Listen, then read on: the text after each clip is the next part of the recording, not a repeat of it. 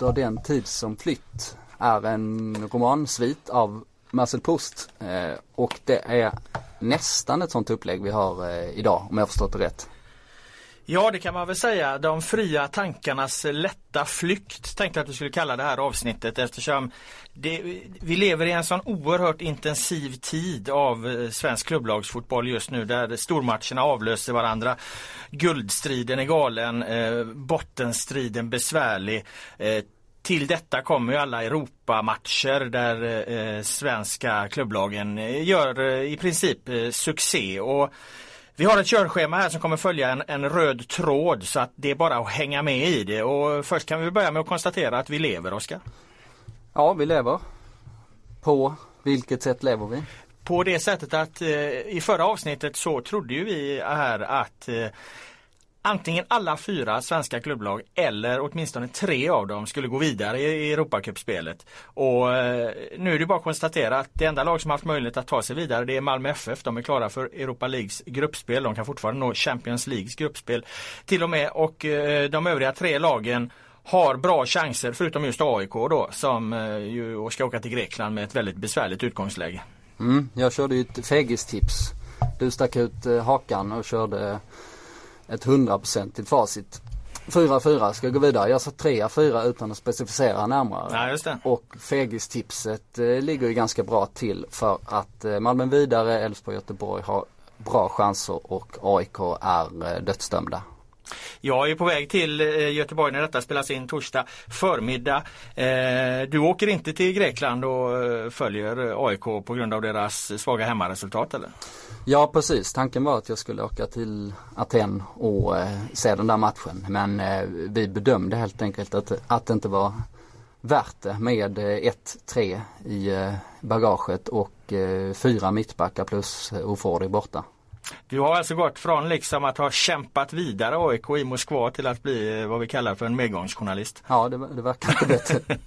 eh, nej men även om AIK mot alla odds skulle fixa det här eh, så betyder det ju inte att de är vidare till Europa League. Utan i så fall har de fortfarande en ganska svår mm. uppgift. Så även om det sker ett litet eh, mirakel i det lilla eh, så behöver inte det betyda så mycket och då bedömde vi helt enkelt att det var mer värt att jag eh, höll till här i krokarna och gjorde lite jobb hemifrån. Det låter bra det. 51% fotboll, folkets podd är det alltså och eh, vi ska väl kasta oss rakt in i det lag som faktiskt har tagit sig vidare då, Malmö FF. De gjorde ju det genom att besegra vad du hävdar är världshistoriens genom tiderna mest korkade fotbollslag, Red Bull Salzburg. För att inte vi ska åka på någon form av förtalsstämning här från det här eh, Grogvirke aktiebolaget som jag döpte det till så får du nog nästan motivera varför det här är världshistoriens mest korkade fotbollslag. Mm. Eh, jag har en topp 5-lista mm. faktiskt eh, med de dummaste fotbollslagen som någonsin har uppträtt. Ja, du lurar ju in mig i den här listan. I lurar in mig på den här listan genom att eh, Brasiliens eh, fantastiskt vackra årgång eh, VM 1982 ska vara med på den. Var har du placerat dem? Ja, de fick smyga in på en femteplats eh, och även om jag vet att det gör ont långt in i benmärgen på dig så, eh, så får du motivera det här för, för det var faktiskt eh, ditt lilla uppslag. Ja det, det är väl lite så att eh, samtidigt som det här laget då enligt mig har spelat den vackraste fotbollen som, som ett fotbollslag någonsin har spelat med Zico, Sokrates och Eder och Falcao i spetsen så är de ju också det kanske mest naiva lag jag någonsin har sett. När de väl då har nått till en, en avgörande match mot Italien för att ta sig vidare till en semifinal och det räcker med oavgjort för dem eh, så kan de inte spela försvarsspel. Det är inte det att de blir straffade av Italien och Paolo Rossi en gång, inte två gånger utan tre gånger. 3-2 vinner Italien med. Det hade räckt med 0-0, det hade räckt med 1-1, det hade räckt med 2-2. De får inte in 3-3 och det här eh, fantastiskt eh, fint spelande fotbollslaget är alltså utslagna trots att de på alla punkter på, på liksom i en offensiv fotbollsjämförelse är totalt överlägsna Italien. Så att det, det smärtade oerhört men det är bara att konstatera att att eh, fotbollen är ett så komplext spel, komplext spel att är du, är du så naiv då kan det sämre laget vinna. Mm.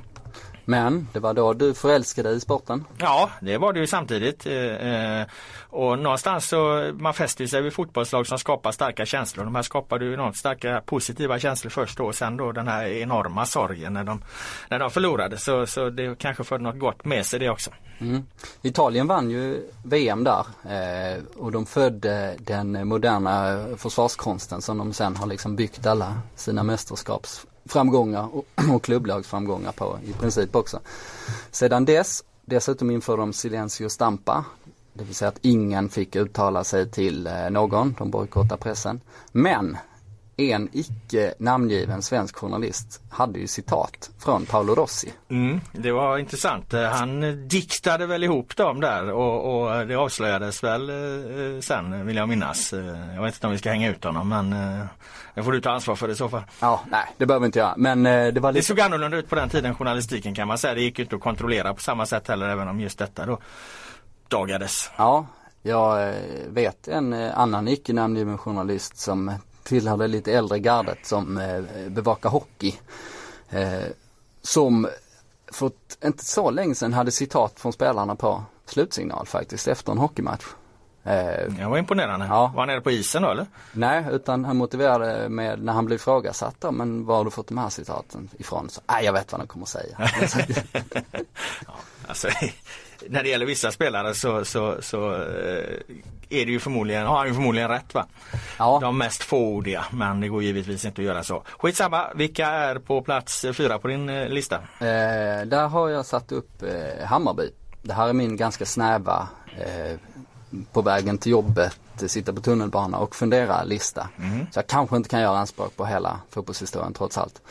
Men jag har ju sett Hammarby mycket i Superettan under ganska många år och sett ett antal riktigt, riktigt eh, korkade eh, taktiska insatser. Eh, det som skilde ut dem, jag tänker framförallt under Greg Beerholters tid, den amerikanska tränaren som var här och, och dansade ett par somrar. Eller han dansade inte så mycket, han var inte, inte världens största skärmknutte. Men han liksom överanalyserar motståndet. Så när Hammarby mötte Varberg på hemmaplan så eh, la man stor vikt vid hur Eh, Varbergs vänsterback eh, spelade för att man liksom skulle anpassa sitt spel eh, på det sättet och det innebar liksom att spelarna bara slog knut på sig själva och hade liksom ingen egen spelidé. Så det var liksom en omvänd dumhet men i stort sett lika dum. Inte Red Bull Salzburg är dum men eh, gott nog till en fjärde plats. Eh, kan man säga att det är ungefär som eh, livet fungerar för oss eh, journalister som följer Allsvenskan noga. Att ju mer man studerar den, ju närmare man följer den, ju mer man lär sig om den, desto sämre tippar man den. Mm. Det, precis så skulle man kunna säga faktiskt som eh, Greg Beerhalter. Du är också medveten om att du nu har utsett eh, Hammarby till världshistoriens fjärde mest korkade fotbollslag genom tiderna. Ja, bra. Det ta... känns väl rimligt på alla sätt. Då kan du ta plats tre då. Ja, eh, Levadiakos. Mm. Eh, jag kanske ska motivera den också. Ja, det får du nog göra. Eh, jag ska inte åka till Aten nu, men jag var i Aten i våras när Olympiakos säkrade sin ligatitel med ett par omgångar kvar från slutet. Eh, de mötte ett lag som eh, spelade så fruktansvärt eh, korkat över hela planen. De, de, de spelade liksom nästan fotboll hela tiden. De hade plopp. Ja, det var, ja, det var tekniken. Som vi förmodligen har koll på den här gången. Vi fick ju lite kritik för att du lät väldigt lågt. Ja, jag hoppas ju att vi har bra på det nu. Skitsamma. Det här Levidiakos eh, spelar fruktansvärt eh, korkat. Jag behöver liksom inte motivera exakt hur. Eh, men jag var i alla fall övertygad att om man spelar så här dumt och inte tar tillvara på sina chanser och inte försvarar ordentligt så måste man vara eh, köpt helt enkelt. Eh, och det är nog den enda fotbollsmatchen jag har sett eh, där jag liksom varit rätt säker på att många spelare bland annat målvakten som sprang ut utanför straffområdet och tog med händerna så han blev utvisad i första halvlek var köpta helt enkelt. Och det korkade ligger här alltså i att de är köpta då? Eh, ja, och om det är så så är det fruktansvärt korkat för ja. då kan man bli påkommen. Det är rätt smart om de, de har inte blivit påkomna. Nej, om eh, man inte har några moraliska betänkligheter Nej. så kanske det var smart också. Men om jag har fel, om de inte skulle vara köpta så var de kollektivt väldigt, väldigt dumma. Och för att bygga på mystiken kring den här matchen eh, så försökte jag prata med Jimmy Durmas efter, efter den. Eh, hälsa på honom i den här mixade zonen. Han sa, eh, ah ni har kommit från Sverige, så kul liksom. Eh, men sen kom han aldrig tillbaks. Men jag och min eh, vän och kollega Kristoffer Bergström, eh, som jag var där med, vi såg hur Jimmy Durmaz tog bakvägen ut och liksom undvek oss verkligen. Eh, mycket oklart varför. Eh, han har inte spelat den här matchen från start, han hoppade in på slutet. Eh, men han uttalade sig till Fotbollskanalen efteråt med detta citatet. Det var magiskt, en riktigt häftig känsla. Det var fullsatt på arenan och hela inramningen var häftig. Det var grymt. Säger Durmas till fotbollskanalen.se. Eh, och han ljuger ju här. För det var inte fullsatt. jag, jag var där, det var absolut inte fullsatt. Dessutom var det riktigt dålig inramning, alltså riktigt, riktigt svag inramning. Det var liksom ett eh, sorl som det kan bli på en, eh, en träningslandskamp. Till exempel när Sverige har mött eh, England och Argentina på Friends Arena och eh, de brittiska journalisterna kallar det för eh, biblioteket. Att det är bara liksom ett enda sorl där eh, eh, publiken liksom inte lever sig med och de bygger inte sina spelare utan ja, det var en antistämning tyckte jag. Sen firade de lite efteråt men det var också ganska avmätt. Så. Han drog en rövare helt enkelt. Ja, eh, skum match som sagt. eh, ja, de, de förtjänar sin tredje plats. Och var du på plats två? Där har vi Sverige. Ja. Ja, eh, under Erik Hamrén vid två tillfällen. Eh, du har också reagerat på de här matcherna vet jag, så det kanske inga skrällar. Men Holland borta i EM-kval till 2012. Eh, Sverige åker dit med en eh, fullständig övertygelse om att Sverige ska spela ut Holland på bortaplan. Eh, kommer med en sån matchplan och eh, blir ju totalt överkörda. Vilket man hade kunnat räkna ut med röva och krita för att citera Robert Laul. och den andra matchen är är Ukraina i eh, EM-premiären 2012. Ja, det är bara att skriva under på det. Där kommer de ju med ett eh, ett eh, lag som bygger på ungdomlig entusiasm snarare än den rutin som fanns i truppen och Erik Hamrén tror att eh, det ska räcka. Istället så, så, så förlorar de den här premiärmatchen vilket ju lägger grunden till det misslyckade eh, EM-slutspelet 2012. Ja. Peter Wettergren landslaget scout hade lagt ett halvårs tid på att kartlägga Ukraina. Eh, kom fram till att eh, högerkanten är det som man måste, måste stänga. Eh, deras högerback Oleg Husev går på som en eh, kanonkula längs med högerkanten, stöter framåt hela tiden. Deras stora stjärnor, eh, Konoplyanka och Jarmolenko spelar eh, offensivt på sina kanter och framförallt på högerkanten där liksom ett dubbelt hot det måste man stänga. Ska man, ska man eh, slå Ukraina i den där, eh, i en premiärmatch så, eh, så måste man sätta stopp för den. Eh, Erik Hamrén väljer att ta ut Ola Toivonen som vänstermittfältare eller vänsterytter i ett 4-2-3-1. Ola Toivonen som aldrig spelar på positionen och eh, ja, facit Facit kom ganska snabbt. Mm.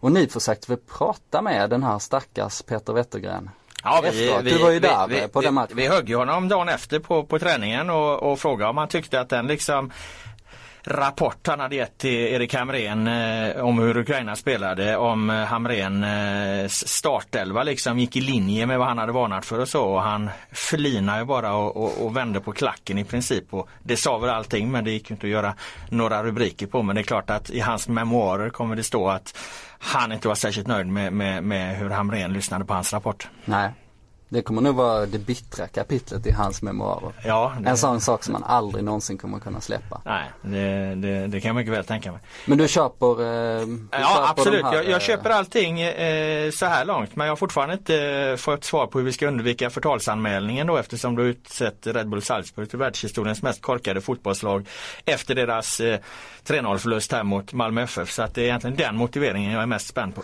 Ja, jag tror inte vi kommer komma undan den för jag kommer snarare liksom förstärka bilden ja, av det. Däremot skrev ju uh, Ronny Sandahl, vår kolumnist, uh, inför förra årets möte mellan Red Bull Salzburg och Malmö. Då började han ju en krönika med att Österrike har inte bara gett oss Adolf Hitler och Josef Fritzl. De har även historiens mest hatade fotbollslag. Ja exakt, så du spinner vidare på en gammal god och fin Aftonbladet-tradition menar du här? För om det där blev det ett jävla liv vill jag minnas. Ja. Sandals krönika. Det kan man ju säga. Med all rätt kan man väl säga. Mm. Det får ju finnas gränser i jämförelse kan man ju tycka. Ja den kanske var lite över gränsen. Men det är i alla fall så här att de pumpar in eh, hur mycket pengar som helst i de här klubbarna, Red Bull Salzburg och Red Bull Leipzig i, i Tyskland. Eh, de eh, ja, ska bygga storklubbar helt enkelt. De ska nå Europa. Och de har bara en spelmodell och de kommer aldrig någonsin frångå den. Eh, vilket är så dumt att jag inte vet vad jag ska ta vägen. För att inför förra... Inte sånt vi brukar hylla liksom. Lagerbäck kan tro på sin idé och bla bla bla liksom. Man kör på den in i kaklet och så. Ja fast deras modell är liksom vi ska ha unga flashiga spelare som bara öser på framåt. Det är väl kanske inte riktigt Lagerbäcks. Nej men han har men just, just det att man kör på ett och samma sätt. Att man tror på sin tanke in i döden. Ja, jo eh, det är väl bra om man har en ideologi men man behöver inte vara dum i huvudet för Nej, det. Liksom. det rätt. Eh, jag, jag ringde Eddie Gustafsson inför förra årets match och han eh, har ju stått i mål där länge och eh, finns med i organisationen nu om man är målvaktstränare eller, eller vad nu är, det, det vet jag inte riktigt.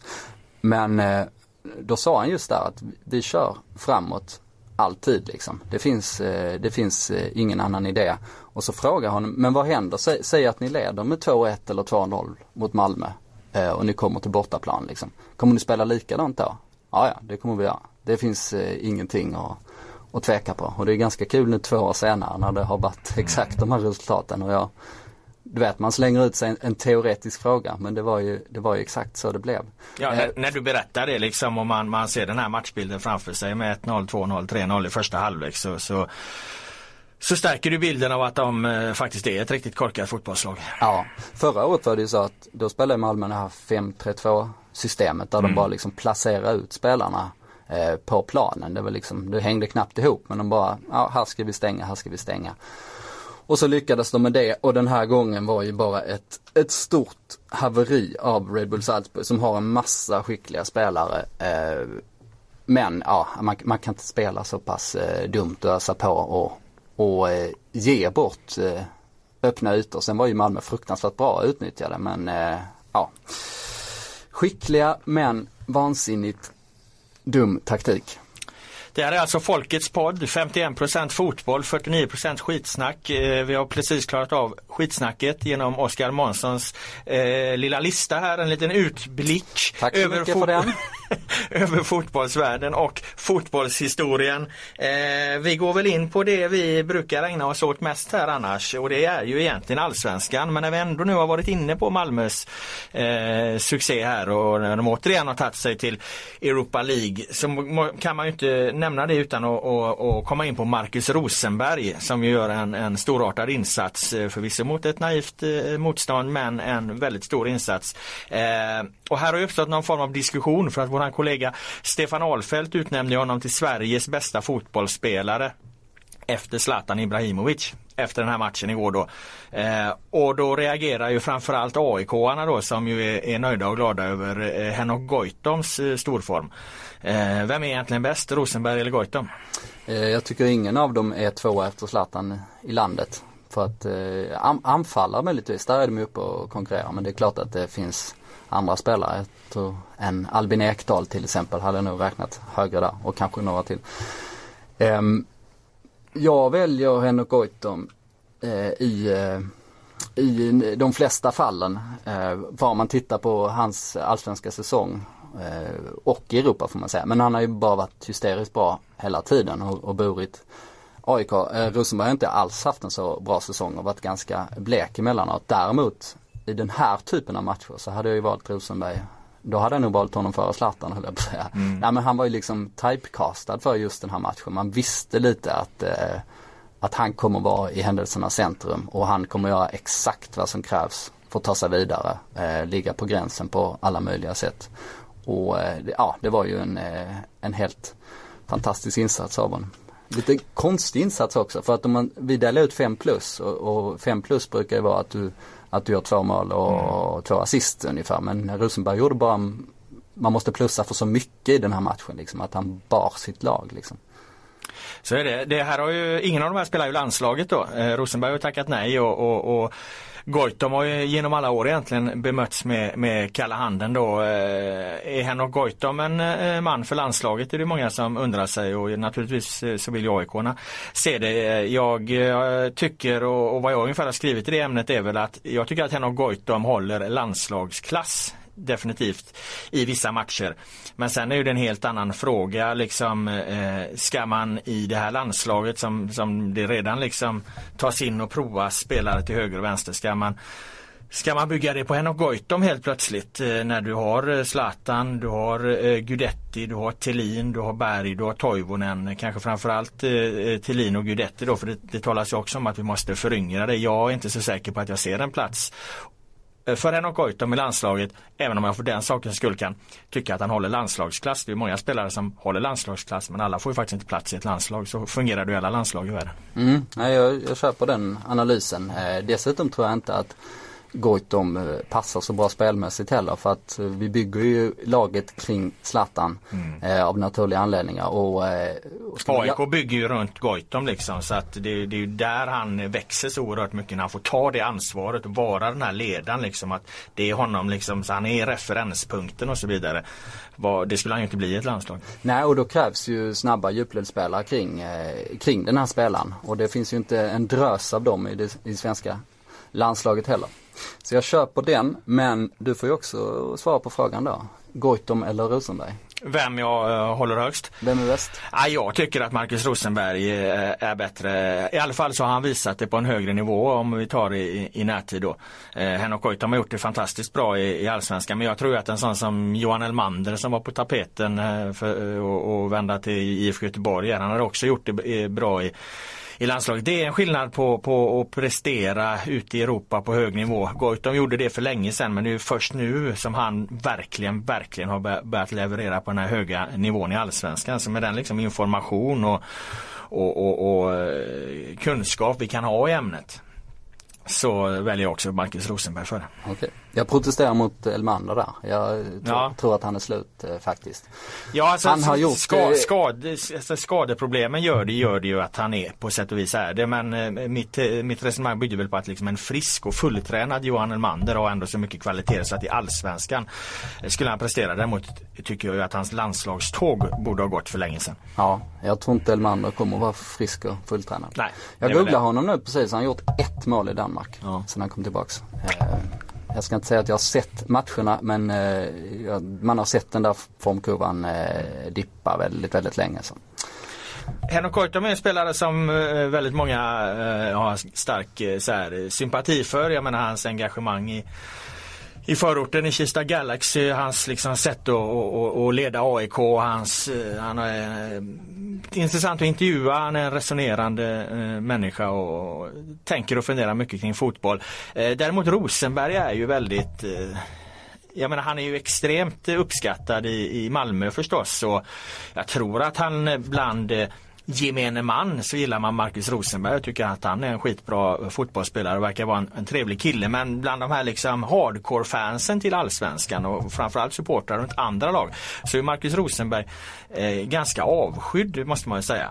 Och det, det, det, det fick mig att tänka på liksom det här med vad är det med det gamla gubbgrinet om vi får kalla det så. Alltså det, det känns som att Det får vi, det var min favoritpunkt här. Jag har tittat på körschemat och punkt nummer fem heter Gamla gubbar-grinet. Gamla gubbar-grinet ja, Griniga gamla gubbar var ju en fin gammal film eh, en gång i världen här.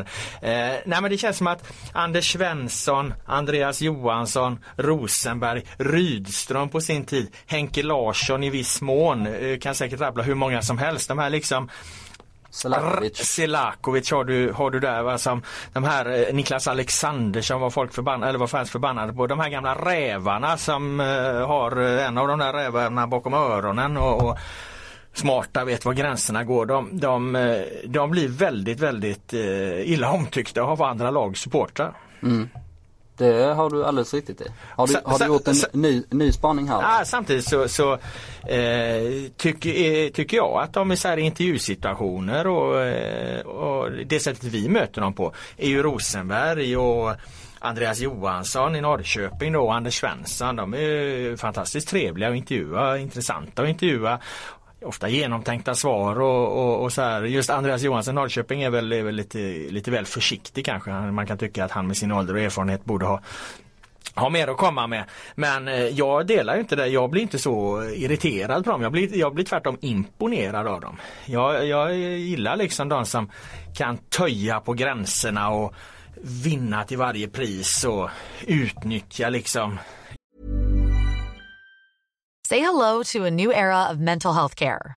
Cerebral is here to help you achieve your mental wellness goals with professional therapy and medication management support. 100% online.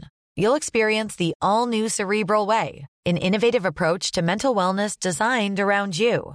You'll get a personalized treatment plan from a therapist, prescriber, or both in a safe and judgment free space. Your cerebral therapist or prescriber will outline a customized plan with clear milestones along the way so you can get to feeling your best. With Cerebral, you're not alone in your mental health journey. We're here to empower you to live a fulfilling life. So take that first step towards a brighter future and sign up today at cerebral.com slash podcast and use code ACasts to get 15% off your first month. Offer only valid on monthly plans. Other exclusions may apply. Offer ends July 31st, 2024. See site for details. Gråzonerna, jag menar vi talar inte om ekonomisk brottslighet här nu utan vi, vi, vi talar ju om fotboll. Liksom. Jag blir till exempel inte så fruktansvärt upprörd över eh, Andreas Johanssons filmning här i, eh, mot eh, Bangura där. Det är klart att den är otroligt dålig och att den är otroligt rolig på många sätt men, men eh, jag rasar ju inte. Rasar du? Um, ja, nej det gör jag väl inte. Grejen var att han hade fått en armbåge av Bangura tidigare. Jag tror vi var Wiklander, hans kollega, hade ju fått en, en ja, armbåge där och han ville, ville, ville någonstans visa då domaren liksom. Och det är klart. Men så den filmningen eh, i sig är ju patetisk givetvis. Ja den, är, ja den, är, den är rolig på alla sätt och vis. det är klart att han ska ha ett gult kort för den. Det tycker jag också. Men mer än så är det inte. Nej det är det inte. Eh, det passar väldigt bra slog du mig nu med gamla gubbar, grinet. För de är ju väldigt, väldigt griniga på Rosenberg nu framförallt liksom. Utanför Skåne. Men i Skåne betyder ju grina skratta. Jaha. Och i Malmö skrattar de ju bara. För att eh, de som följde den där matchen och såg hur, hur Rosenberg låg och tände på gränserna hela tiden och utnyttjade vartenda litet knep i boken. Eh, dels att han eh, hockeytacklade sig runt liksom och slet och eh, låg och, och liksom skällde på domaren och, och liksom, ah, bröt ner de andra. Men, men han gjorde också en intressant sak tyckte jag mot deras mittback eh, Hinteregger som är en eh, ung, eh, ja, väldigt, väldigt duktig mittback. Eh, ganska mycket pondus men, men hon, de hade haft extremt hårda dueller i första matchen. Men i andra, eh, när eh, Rosenberg vid något läge gjorde någon ful grej så började han flina och istället liksom eh, gav honom handen så att de tog i hand. Och sen var de kompisar efter det. Eh, och då visste man att det är Rosenberg som har utnyttjat den här lilla psykologiska grejen för nu får den här unga killen liksom respekt och cred från den rutinerade gamla Premier League och Bundesliga anfallaren på något sätt och då kom Hinteregger av sig lite. Tror jag. Jag tror liksom att han, han känner till alla de eh, mekanismerna på något sätt. Ja, men det är väl så man vill att de svenska lagen eh, ska agera till exempel i Europa. Tidigare har vi liksom beklagat oss över det när vi har åkt ut mot, mot vissa lag att ja men eh, fan de är så mycket smartare och, och vi måste bli bättre på det och vi måste bli mer cyniska och så här. Eh, nu tycker jag att man ser exempel på exempel. Liksom AIK rättade upp halva, var det Moldavien eh, inför den matchen både på plan och, och utanför och det är AIK som Det var ju Bultens förtjänst. Ja och det är AIK som vinner den så att eh, eh, jag tycker bara det är kul. Mm. Ja, jag håller med. Jag ser det eh, också som, eh, som beröm. Ja. Om, man, om man får skit för att man är grinig och jobbig och jävlig så beror det nästan alltid på att man är bra också mm. faktiskt. Eh. Ja det tror jag sammanfattar våra liksom gamla gubbar och, och, och, och den här liksom ilskan som finns mot dem. Liksom. De, är, de är lite för smarta liksom för att man som supporter till något annat lag ska kunna hålla sig för att bli rasande på dem. Mm. Um, Norrköping skojar ju om det på sociala ja. medier. Uh, och eh, sa att jo men Anders, Andreas Johansson tränade för fullt idag och sen så la de ut en, en gubbe som dök från en trampolin, eh, vilket många tyckte var roligt. Utom en person. John Alvborg. Var det John Alvborg ja? Som blev rasande på skämtet. Ja, ja. Den reaktionen förstod jag överhuvudtaget inte från, från eh, Alvborg okay, man blir rasande på filmningen. Eh, det var det många som blev och det kan man ju bli, eh, bli såklart. Det är en ganska naturlig reaktion.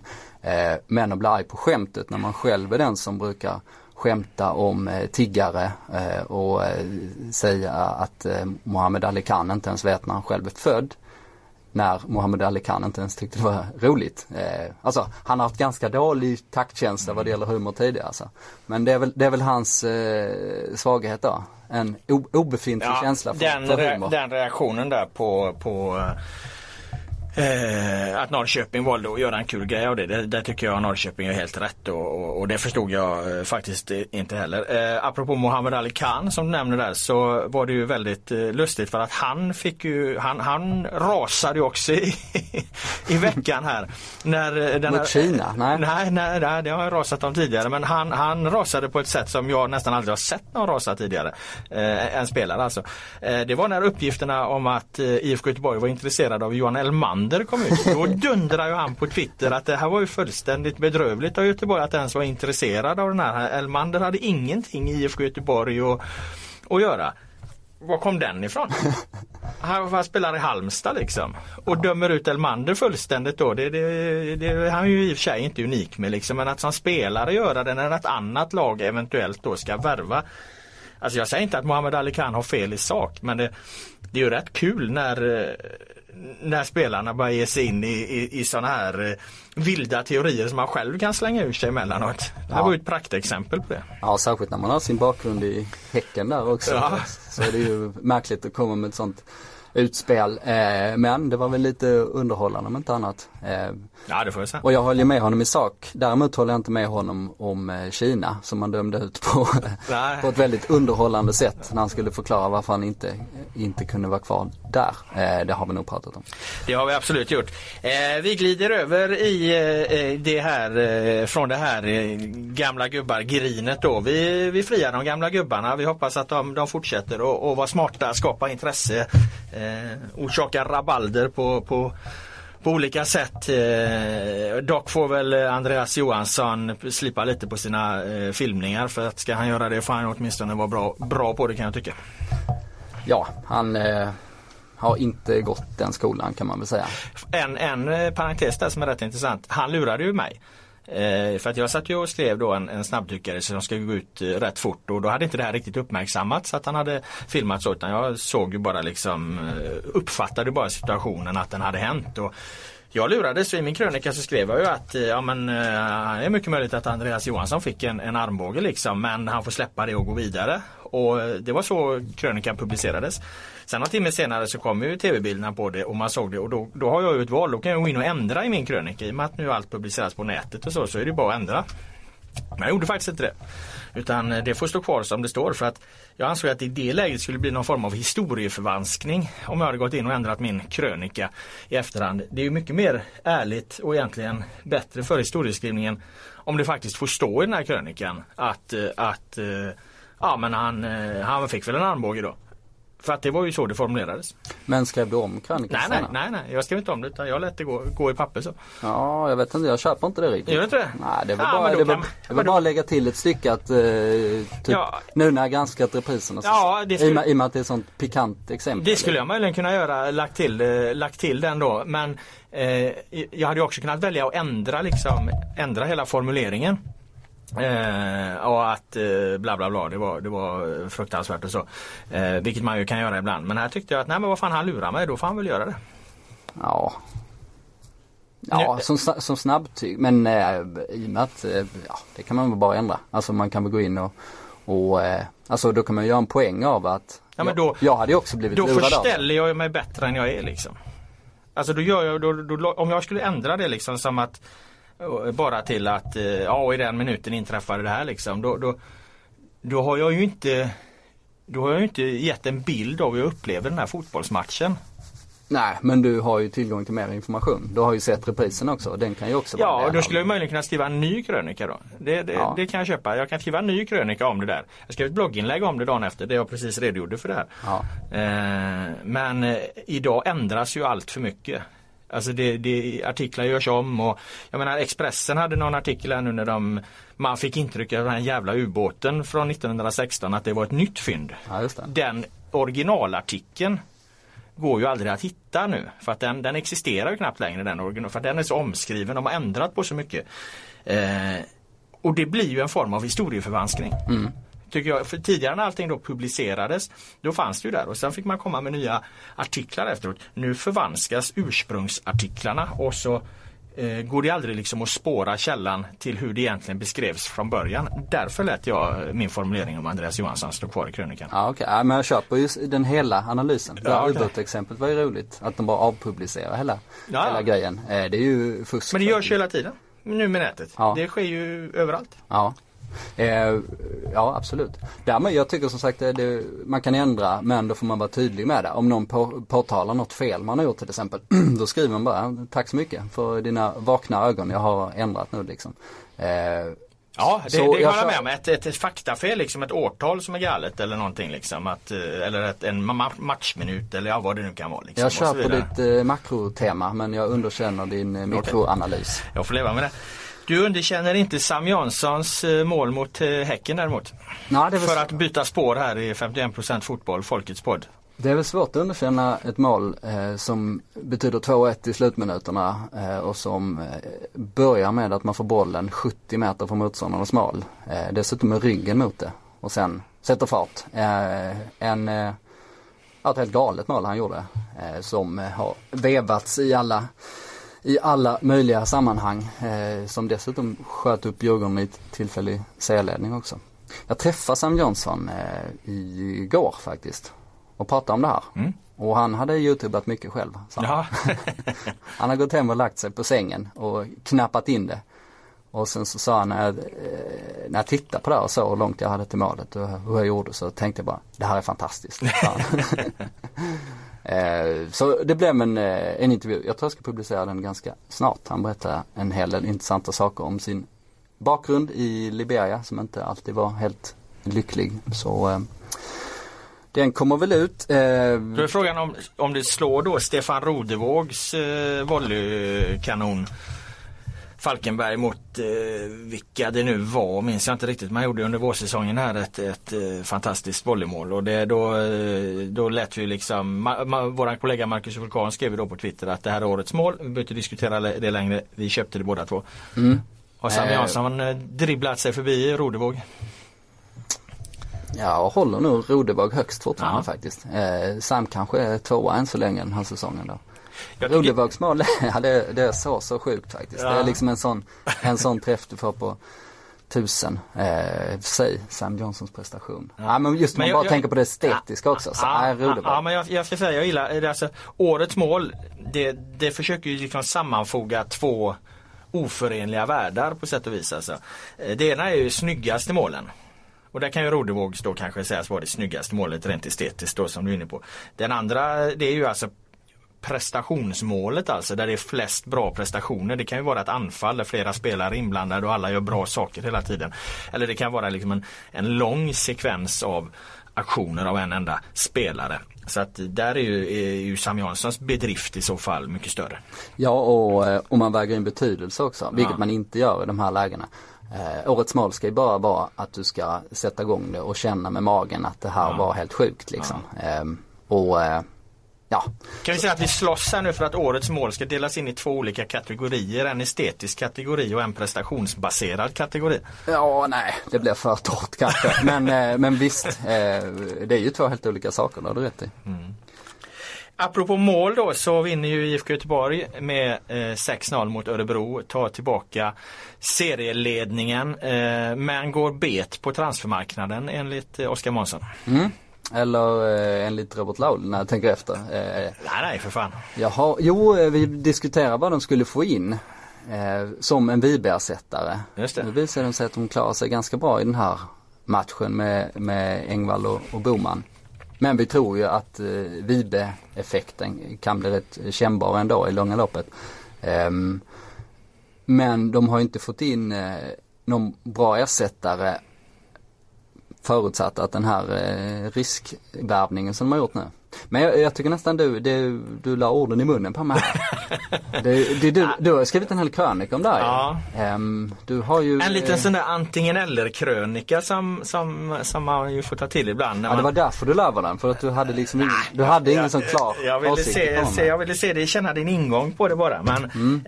eh, Ja, men även om man, ibland kan det vara så att det kommer nyförvärv och du har fan inte en susning om, om eh, hur bra de här är. Och så. Den här, den här liran då, eh, Riku Riski, han alltså han har, han har ju spelat i Allsvenskan tidigare. Han var ju utlånad till Örebro här under 2011. Jag hittade till och med en gammal tweet som jag hade vräkt ur mig om honom eh, då. Att eh, han var ett fynd och att han eh, gjorde mål som Zlatan Ibrahimovic hade varit avundsjuk. Så formulerar jag tweeten. Jaså, vilken typ av mål hade han? Ja, det minns jag fan inte. Och problemet var att han gjorde bara ett mål i, för Örebro. Så att då var jag på den matchen och såg det här målet. Eh, så att han gjorde vissa intryck på mig. Och jag har sett han lite mer efter det. Och, och det, som gör, det som gör honom svårbedömd då, det är ju att eh, för här vet vi väldigt mycket vad det är för en typ av fotbollsspelare. Eh, det är att han ett jag tror att han kommer passa ganska bra i Jörgen Lennartssons 4-4-2 så som Blåvitt spelar med, med lågt sittande mittfältare och det blir utrymme att komma in framför eh, eh, back, motståndarnas backlinje och inte bara bakom. Alltså det var så Vibe spelade väldigt mycket. Vibe var inte så mycket djupledsspelare egentligen. Men jag upplever inte eh, att Riski är så bolltrygg om man inte har utvecklats eh, oerhört under åren i, i Norge här. Så att eh, spelartypsmässigt, ja, bra. Men kvalitetsmässigt ett större frågetecken. Okay. Får helt enkelt eh, visa sig. Ja. Tror du risksupportrarna gillar honom?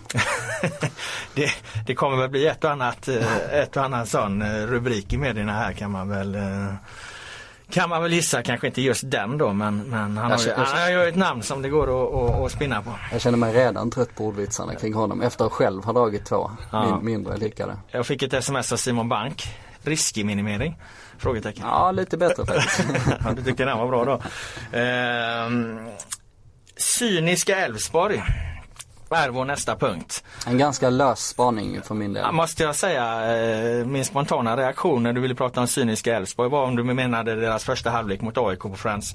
Mm, som nästan hade platsat min eh, topp 5-lista här. De mest i naivitet. chockade ja. fotbollslagen. Eh, nej, de vann ju eh, hemma här mot Åtvidaberg med 2-0. Eh, och de gjorde det på ett eh, sätt som Elfsborg har blivit ganska bra på på senare år. Elfsborg ända sedan pannbandsligan har ju varit ett eh, naivt eh, lag som inte riktigt liksom lyck lyckats när det, när det gäller men har liksom eh, långsamt utvecklats till en annan typ av lag. Eh, och den här segern de tog var ganska typiskt för, ja, för den grejen kan man säga. Victor Podell petade in två skitmål och sen var det, sen var det bra med det liksom. Eh, inte så mycket mer med det. Eh, lite så ett eh, ett topplag brukar vinna allsvenskan. Ja men jag tänker mer att eh, ska Elfsborg egentligen få igång en målskytt här nu för nu har väl Prodell eh, gjort mål eh, rätt mycket mål på sista tiden. Han gjorde eh, även mål borta mot AIK där. Och ja. så har han ju två här mot, eh, mot eh, Halmstad då. Ja vad kan han vara uppe på nu då? Sex kanske? Ja. Eh, det börjar likna någonting och honom plockade de in just för den här grejen. Han gjorde ju var det 15 mål kanske i, i, i uh, Åtvidaberg. Eh, för att, sa jag Åtvidaberg innan förresten? De mötte ju Halmstad såklart. Mm. Um, så att du rynkar lite på ögonbrynen. uh, men han spelade Åtvidaberg, gjorde 15 mål i vart fall och då var det ju mycket den här typen av avslut liksom. Mm. Fox in the box avsluten och det var ju därför de plockade in honom och det har han inte riktigt levt upp till. Han har ju varit bänkad ganska mycket. De har ju spelat med Frick på topp. Mm. Eh, bara för att han löper mycket och är ettrig sådär.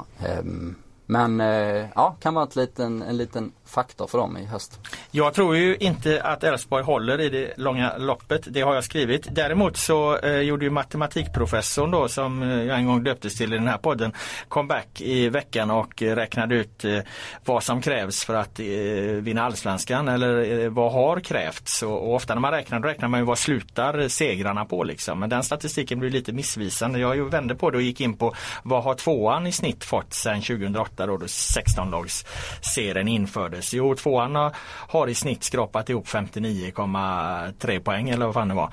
Eh, och, och där skulle man lite löst då kunna säga att det krävs 60 poäng för att eh, vinna allsvenskan. Alltså du måste ta två poäng per per omgång och tittar man nu allsvenskan efter 18 omgångar och just Elfsborg en hängmatch då men då är det eh, Blåvitt och eh, Djurgården som eh, håller eh, guldsnittet. De har alltså tagit eh, två poäng per match eller mer. Och även Elfsborg då om man kollar på deras 17 matcher, de har en hängmatch mot Gävle. Så, så det är de här tre lagen då som befinner sig på guldsnittet. Eh, så att eh, Fortsätter de bara att leverera så kommer de eh, jagande lagen få det väldigt svårt. Till exempel måste ju Malmö, om man utgår från den här statistiken, vinna åtminstone 10 av 12 återstående matcher och, och, och, det kanske man är beredd att tycka efter man såg den starka insatsen mot Salzburg. Samtidigt har ju Malmö haft väldigt svårt faktiskt att, att prestera i allsvenskan i, i, i matcher som de egentligen bara ska, ska ja, sopa rent i.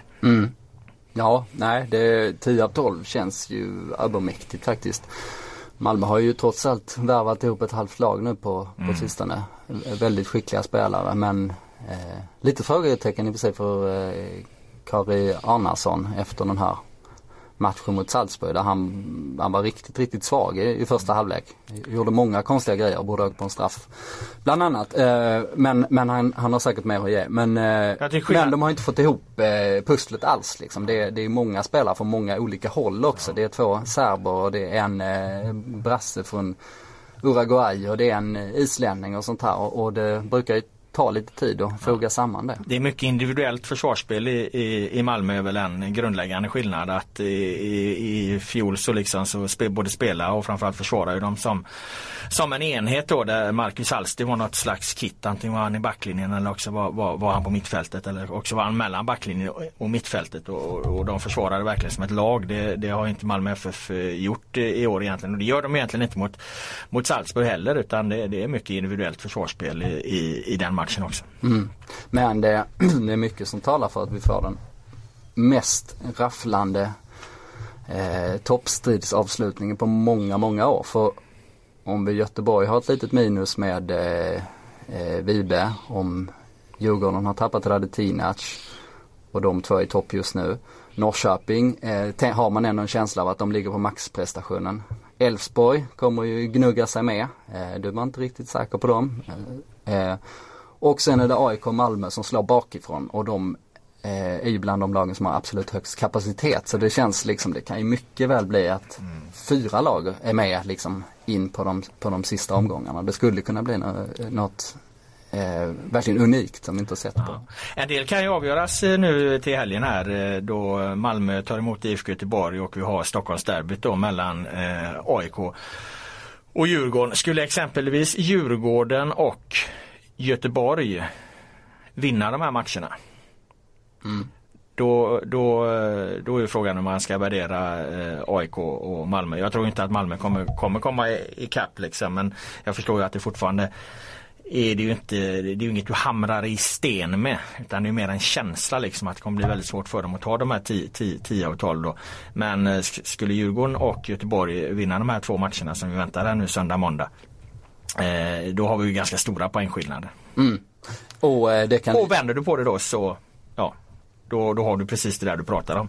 Det här eh, djävulska racet med, med, med alla storlag och några till inom en ganska tajt poängmarginal ändå. Ja, det kommer ju bli ett eh, spekulationsrace utav Guds nåde. Eh, vi, bör, vi börjar redan nu. Eh, jag träffade Pelle Olsson igår också, gjorde, gjorde en intervju liksom och, och, eh, han är ju den personen som, eh, han, har, han har inte guld i mun om man säger så. Han är väl det som tar det begreppet eh, sist av alla. Det är möjligt om Djurgården leder med 2-0 i sista omgången och har tre poängs försprång. Att han, I pausintervjun kan eh, bjuda på någonting. Ja, han skulle säga att de har en realistisk chans att hamna högt i tabellen. Eh, men han påtalade bara det liksom på ett Pelle Olssons vis att ja, men det återstår 40% av säsongen liksom. Mm. Så det, det, är helt meningslöst att, att börja liksom. Eh, och det fattar man ju från deras perspektiv såklart. Att eh, det kan eh, fortfarande liksom, alltså det kan diffa mycket. Även de här lagen kan ju hamna i mitten. Mm. om det skulle gå mot dem. Ja men våran uppgift är ju att underblåsa här nu och, och spekulera och räkna och, och, och Absolut, och särskilt så. när man är en matematikprofessor Ja, slash sportjournalist. Då, då är det ditt eh, demokratiska uppdrag. Nej, särskilt det- när du sitter i Folkets podd också. Ja så. men det är så snacket går och jag menar ska man efter varje liksom match eh, fram till omgång 29 skriva att det återstår si och så många procent av allsvenskan. Här går det inte att dra några Mm. växlar. Vem fan hade läst en tidning då? Det blir en tråkig rubrik när, Ja. när du säger det återstår 40% av allsvenskan. Ja, när det liksom är, är, är, rubriken på ens krönika då. Jag fick för övrigt skit för eh, här i veckan att jag sparkade in öppna dörrar av eh, en falang och att jag bara provocerade av en annan. Det tolkar jag som ett tecken på objektivitet. Så här, Vil, vilken, vilken krönika var Ja det minns jag inte. Så här är det Oskar Månsson att eh, jag måste rusa till ett tåg. Efter de här matcherna som vi precis nämnde så kommer vi ha extremt mycket att, att prata om. Vi får peta in våra två sista punkter i nästa veckas program. Eh, Vi har blivit, eh, vi har blivit liksom eh, jagade på gator och torg. Eller jagade har vi inte blivit men vi har i alla fall blivit, folk har kommit fram till oss och tyckt att Nanne Bergstrand måste byta spelsystem i Hammarby från 4-2-3-1 eh, eller 4-3-3 till eh, eh 4-4-2. Eh, Det hade vi tänkt eh, dissekera. Vi väntar en vecka med det. Eh, Vi har fått en och annan reaktion på vår efterlysning att vi måste, vi måste kunna berätta mer om Östersund som är på väg upp i Allsvenskan. Nu fick de stryk här senast mot Assyriska visserligen men de har ju fortfarande en, en god chans att, att ta sig upp i Allsvenskan. Det får vi också avvakta med till nästa vecka för jag måste springa iväg till tåg. Alright, då ska jag släppa iväg dig. Jag ska bara nämna en reaktion som jag har fått. Ja. Det är att vår fikapodd växer.